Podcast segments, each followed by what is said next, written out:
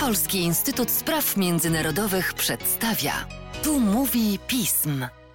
W podcaście Polskiego Instytutu Spraw Międzynarodowych witam Państwa Łukasz Jasina i witam doktora Oskara Pietrowicza, naszego analityka do spraw azjatyckich, ale koreańskich przede wszystkim. Cześć Oskarze. Cześć, dzień dobry. Dziś podcast, który jest drugą częścią podcastu Właściwie uzupełnieniem podcastu, który nagraliśmy w listopadzie, podsumowałeś wtedy relacje z Koreą, ale głównie jednak tą północną, z tego co pamiętam, Donalda Trumpa. Rzecz chyba jedno z najbardziej historycznych wydarzeń, jakie miało miejsce za jego kadencji. Myślę, że będzie to wspominane też po wielu latach, kiedy już nie będziemy pamiętali Donalda Trumpa w sensie popkulturowym, ale inne ważne kwestie się w związku z Koreą zawsze nam przy tym nasuwają. Nowy prezydent niedługo będzie, liczymy na to, Stanów Zjednoczonych. Problemem pozostaje kwestia definicji relacji z Koreą Południową, z Republiką Korei za jego urzędowania. Ale ten sojusz koreańsko-amerykański opiera się jednak na podstawach wypracowanych w czasie Trumpa. I skoro wiemy już, co Trump zrobił w relacjach z Północną Koreą, to jaki zostaje po nim spadek w relacjach z tą Koreą poniżej linii demarkacyjnej?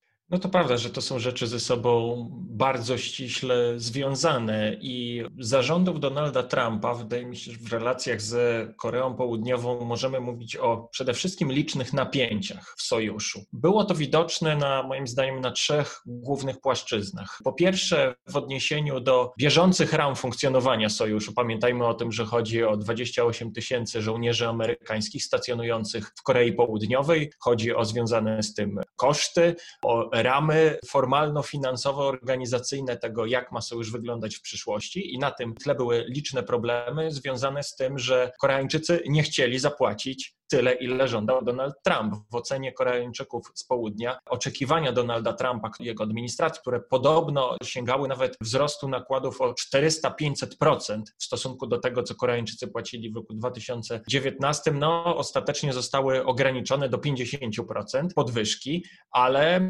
Koreańczycy uznali, że nie, to i tak ciągle za dużo i oferowali zaledwie kilkanaście procent i na korzyść Koreańczyków zadziałało to, że tak te negocjacje przeciągali, tak byli nieustępliwi, że nie podpisali tego, czego nie chcieli. Ale no, pewien problem pozostał, bo jest to sprawa ciągle nieuregulowana, tych negocjacji w sprawie kosztów stacjonowania amerykańskich wojsk w Korei Południowej. Druga sprawa, druga płaszczyzna e, tych napięć w relacjach amerykańsko-południowo-koreańskich zarządów Donalda Trumpa Trumpa, to były mimo wszystko zgrzyty w odniesieniu do polityki wobec Korei Północnej. Mówię mimo wszystko, gdyż tak naprawdę no, zainicjowanie dialogu amerykańsko-północno-koreańskiego, nie dość, że było zainicjowaniem na te tory dialogu wprowadziła Korea Południowa i w związku z tym dialog Stany, Korea Północna był na korzyść prezydenta Korei Południowej Moon Jae-ina, ale już przebieg dialogu nie do końca. Na przykład Donald Trump zupełnie nie chciał zgodzić się na stopniowe złagodzenie sankcji, na trochę odejście od swojej dość bezkompromisowej postawy, jeśli chodzi o kwestię nuklearną. Jednak wydaje się, że za Donalda Trumpa Stany Zjednoczone no, mówiły wszystko albo nic w relacjach, już konkretnych negocjacjach z Koreą Północną. To było coś, z czego niewątpliwie był niezadowolony prezydent Moon, licząc na jednak bardziej umiarkowane, wyważone stanowisko Stanów Zjednoczonych. Więc e, częściowo Trump otworzył się na dialog, co było korzystne dla południa, ale już to, jak widział ten dialog, to było niekorzystne, gdyż tak naprawdę prezydent Korei Południowej czuł, że nie tylko Kim Jong-un podważa wysiłki Korei Południowej na rzecz ustabilizowania sytuacji na Półwyspie Koreańskim, ale też prezydent Donald Trump. I w końcu trzecia płaszczyzna, to chodzi o kontekst stosunków Stany Zjednoczone Chiny i Amerykanie coraz silniej w tym rywalizacji z Chinami poszukują sojuszników. Nie dotyczy to tylko Korei Południowej, ale jako tego jednego z ważniejszych sojuszników na świecie, bo o tym pamiętajmy, że Korea Południowa jest jednym z ważniejszych sojuszników globalnie dla Stanów Zjednoczonych, gdyż jest to po Japonii drugi tak silny sojusz dwustronny Stanów Zjednoczonych, istotny w regionie Azji i Pacyfiku czy też Indo-Pacyfiku, jak teraz Amerykanie forsują. I Amerykanie w tych warunkach starali się coraz bardziej naciskać na Koreę Południową, żeby ona włączyła się do antychińskiej koalicji. Na przykład zapraszani byli Koreańczycy do dołączenia do inicjatywy Quad, tworzonej przez Stany, Japonię, Australię i Indię. Koreańczycy no, wahali się, mówili, że nie, bo nie chcą antagonizować Chin, ponieważ to ich najważniejszy partner handlowy. Więc na takich trzech głównych płaszczyznach widziałem te liczne spory, napięcia, za Trumpa w tych stosunkach. A jak będzie za Bidena? Czy przypadkiem nie będzie tak, że te wszystkie sprawy nierozwiązane za Trumpa powrócą?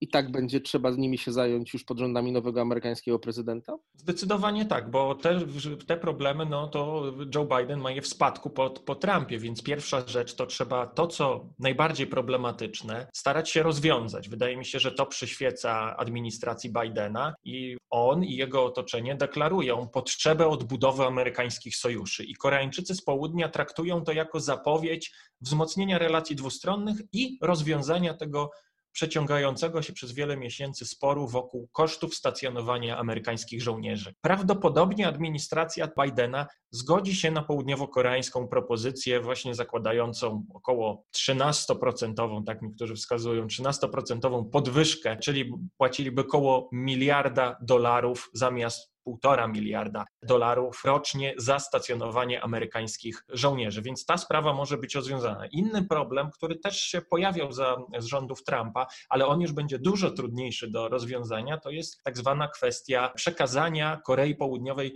kontroli operacyjnej, w skrócie OPCON, nad południowo-koreańskimi wojskami w razie konfliktu. Gdyż trzeba pamiętać, że obecnie, gdyby doszło do konfliktu na Półwyspie Koreańskim, to siłami sojuszu, w tym wojskami południowo-koreańskimi, dowodziłby amerykański generał. I Korea Południowa no, jest w tej właśnie zależności tak bardzo silnej w wymiarze bezpieczeństwa od Stanów Zjednoczonych i ta sprawa od lat już paręnastu jest podnoszona przez Koreę Południową, że no już jesteśmy na tyle silni, na tyle mamy, na tyle dużo znaczymy w regionie, na tyle mamy rozwinięte siły zbrojne, że powinniśmy mieć większą autonomię i chcemy być faktycznie równoprawnym sojusznikiem. I kiedy kandydował Moon na prezydenta w 2017 roku, to podkreślał, że liczy, że do przekazania tej kontroli dojdzie do końca jego kadencji w maju 2022 roku. No, prawdopodobnie uważam, że do tego nie dojdzie, gdyż sprawa też rozbija się o, o, wymiar bardzo praktyczny. To znaczy, żeby Korea Południowa mogła mieć pełną kontrolę nad swoimi siłami, to nie jest tylko kwestia decyzji politycznej, ale przede wszystkim spełnienia bardzo konkretnych kryteriów czysto militarnych, czyli chodzi o bycie przygotowanym do tego transferu od strony czysto wojskowej. No i tutaj amerykańscy wojskowi oceniają, że Korea Południowa no, jeszcze nie jest przygotowana do tego transferu i co więcej, nie można tego zweryfikować w warunkach pandemii. Ba, Donald Trump nawet odwołał wiele manewrów z Koreą Południową i w tym sensie, skoro nie można przeprowadzać manewrów, no to trudno sprawdzić, czy Korea Południowa posiada odpowiednie zdolności do tego transferu. Wydaje mi się, że to, co będzie też ciekawe bardzo za Bidena, to będzie polityka wobec Korei Północnej. Jaką postawę przyjmie Biden? To jest bardzo duży znak zapytania. Koreańczycy z południa liczą, że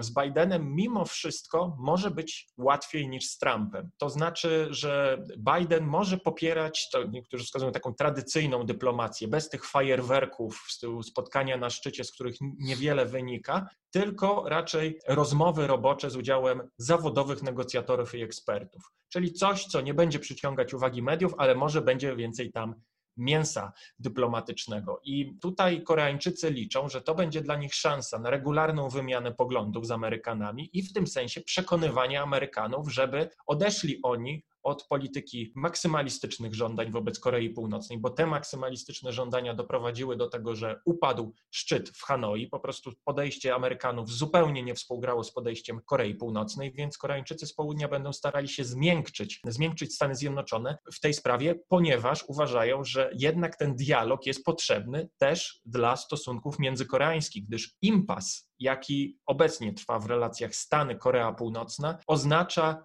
osłabienie czy wręcz totalne zdegradowanie polityki międzykoreańskiej prezydenta Muna. I trzecia sprawa, która właśnie też jest w spadku po Trumpie, i, ale nawet niezależnie od Trumpa, czyli kontekst rywalizacja Stany Zjednoczone z Chinami. No wydaje mi się, że tutaj Stany Zjednoczone nadal będą starały się nakłonić Koreę Południową do włączania Korei Południowej do koalicji antychińskiej, tak, czy to będzie w formule jakiegoś Quad Plus, czy kwestie 5G, e, chociaż na razie Koreańczycy no, stają oporem wobec presji amerykańskiej, mówią, że, że to jest ich suwerenna decyzja i oni nie zamierzają się ścierać otwarcie z Chinami i antagonizować, gdyż trzeba pamiętać o tym, że Korea Południowa jest jednym z tych państw na świecie, która poczuła, czym grozi zbytnia zależność od Chin w wymiarze czysto gospodarczym, gdyż pamiętajmy o sytuacji w 2017 roku. Wówczas Amerykanie rozmieścili na terytorium Korei Południowej swój system antyrakietowy TAD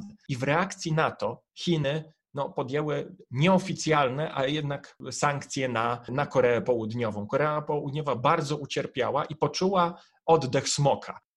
Korea Południowa to jest państwo bardzo uzależnione gospodarczo od Chin. Chiny odpowiadają za 25% eksportu i 21% importu Korei Południowej. Stany Zjednoczone dla porównania 13% eksportu i 12% importu. Jeszcze jest inna sprawa w polityce też Stanów Zjednoczonych wobec Chin i jak pozyskać sojuszników. To są relacje między tymi sojusznikami, to znaczy spór Korea Południowa, Japonia. Niektórzy twierdzili, że Donald Trump olał, brzydko mówiąc, sprawę waśni między sojusznikami, że powinien się zaangażować jako mediator, jako ktoś, kto będzie zachęcał sojuszników do współpracy. Tymczasem no, tak się nie stało i te stosunki japońsko-południowo-koreańskie są ciągle złe. Mimo zmiany premiera w Japonii, no jeszcze nie możemy mówić o ociepleniu. Strony podjął pewne działania, wyznaczając specjalnych wysłanników do, do, do relacji wzajemnych, ale ciągle jest bardzo dużo chłodu w relacjach południowo-koreańsko-japońskich, co jest też problemem dla Stanów Zjednoczonych, no bo skoro amerykańscy sojusznicy mają między sobą problemy i się kłócą, no to trudno ich pozyskać do frontu amerykańskiego przeciwko Chinom w regionie. Choć oczywiście kłócenie się sojuszników Wielkiego Imperium to jest stara tradycja, znamy ją z Europy. Sami kiedyś byliśmy przynajmniej nominalnie sojusznikami Wielkiego Imperium i kłóciliśmy się czasem z naszymi sąsiadami. Jak myślisz, takie pytanko na sam koniec, czysto profetyczne. Może jakoś Joe Biden próbować kontynuować tą politykę wobec Korei Północnej, którą miał e, Donald Trump? Jakieś próby odnowienia pokojowych inicjatyw, może nawet spotkań z Kim Jong-unem? Tak czysto profetycznie się pytam bardzo dużo będzie zależało od stanowiska Korei Północnej. To znaczy, jak długo Korea Północna będzie cierpliwa będzie poczekać na posunięcia nowej administracji amerykańskiej, gdyż moja obawa jest taka, że jeśli prezydent Biden będzie przede wszystkim zaangażowany w inne sprawy niż Korea Północna i będzie przeciągał powoływanie specjalnego wysłannika do spraw Korei Północnej, że, będzie że będą mętne komunikaty Stanów Zjednoczonych w sprawie Korei Północnej, to może to skłonić Koreę Północną do wejścia na starą, sprawdzoną metodę. Jeśli nas olewacie,